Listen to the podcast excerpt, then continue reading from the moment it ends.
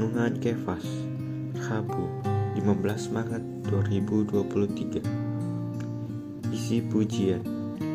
Ibrani pasal 13 ayatnya ke-15 Sebab itu marilah kita oleh dia senantiasa mempersembahkan kurban syukur kepada Allah yaitu ucapan bibir yang memuliakan namanya.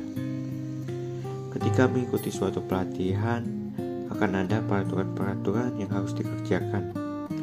Misalnya, tepat waktu, laporan pelatihan, baik, dan lain sebagainya. Di dalam memuji Tuhan pun, kita dapat mengenal apa isi dari pujian kita. Kita orang Kristen mungkin memuji Tuhan, tetapi pujian kita perlu disempurnakan. Kita perlu memuji Dia bagi kemegahannya di surga dan keunggulannya di bumi. Kemudian kita dapat melanjutkan memuji dia bagi kehidupan insaninya, kematiannya, kebangkitannya, kenaikannya, dan bagi kerajaannya. Kita harus memuji dia dengan semua hal ini.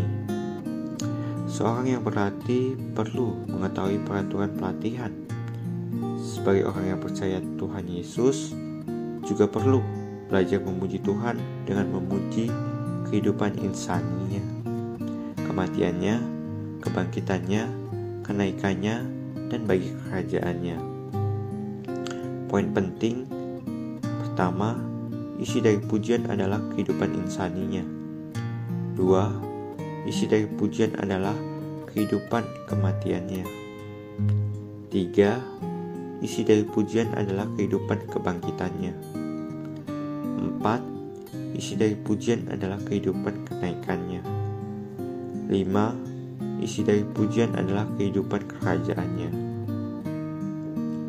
Poin doa memiliki kekuatan memuji Tuhan dalam suka dan duka.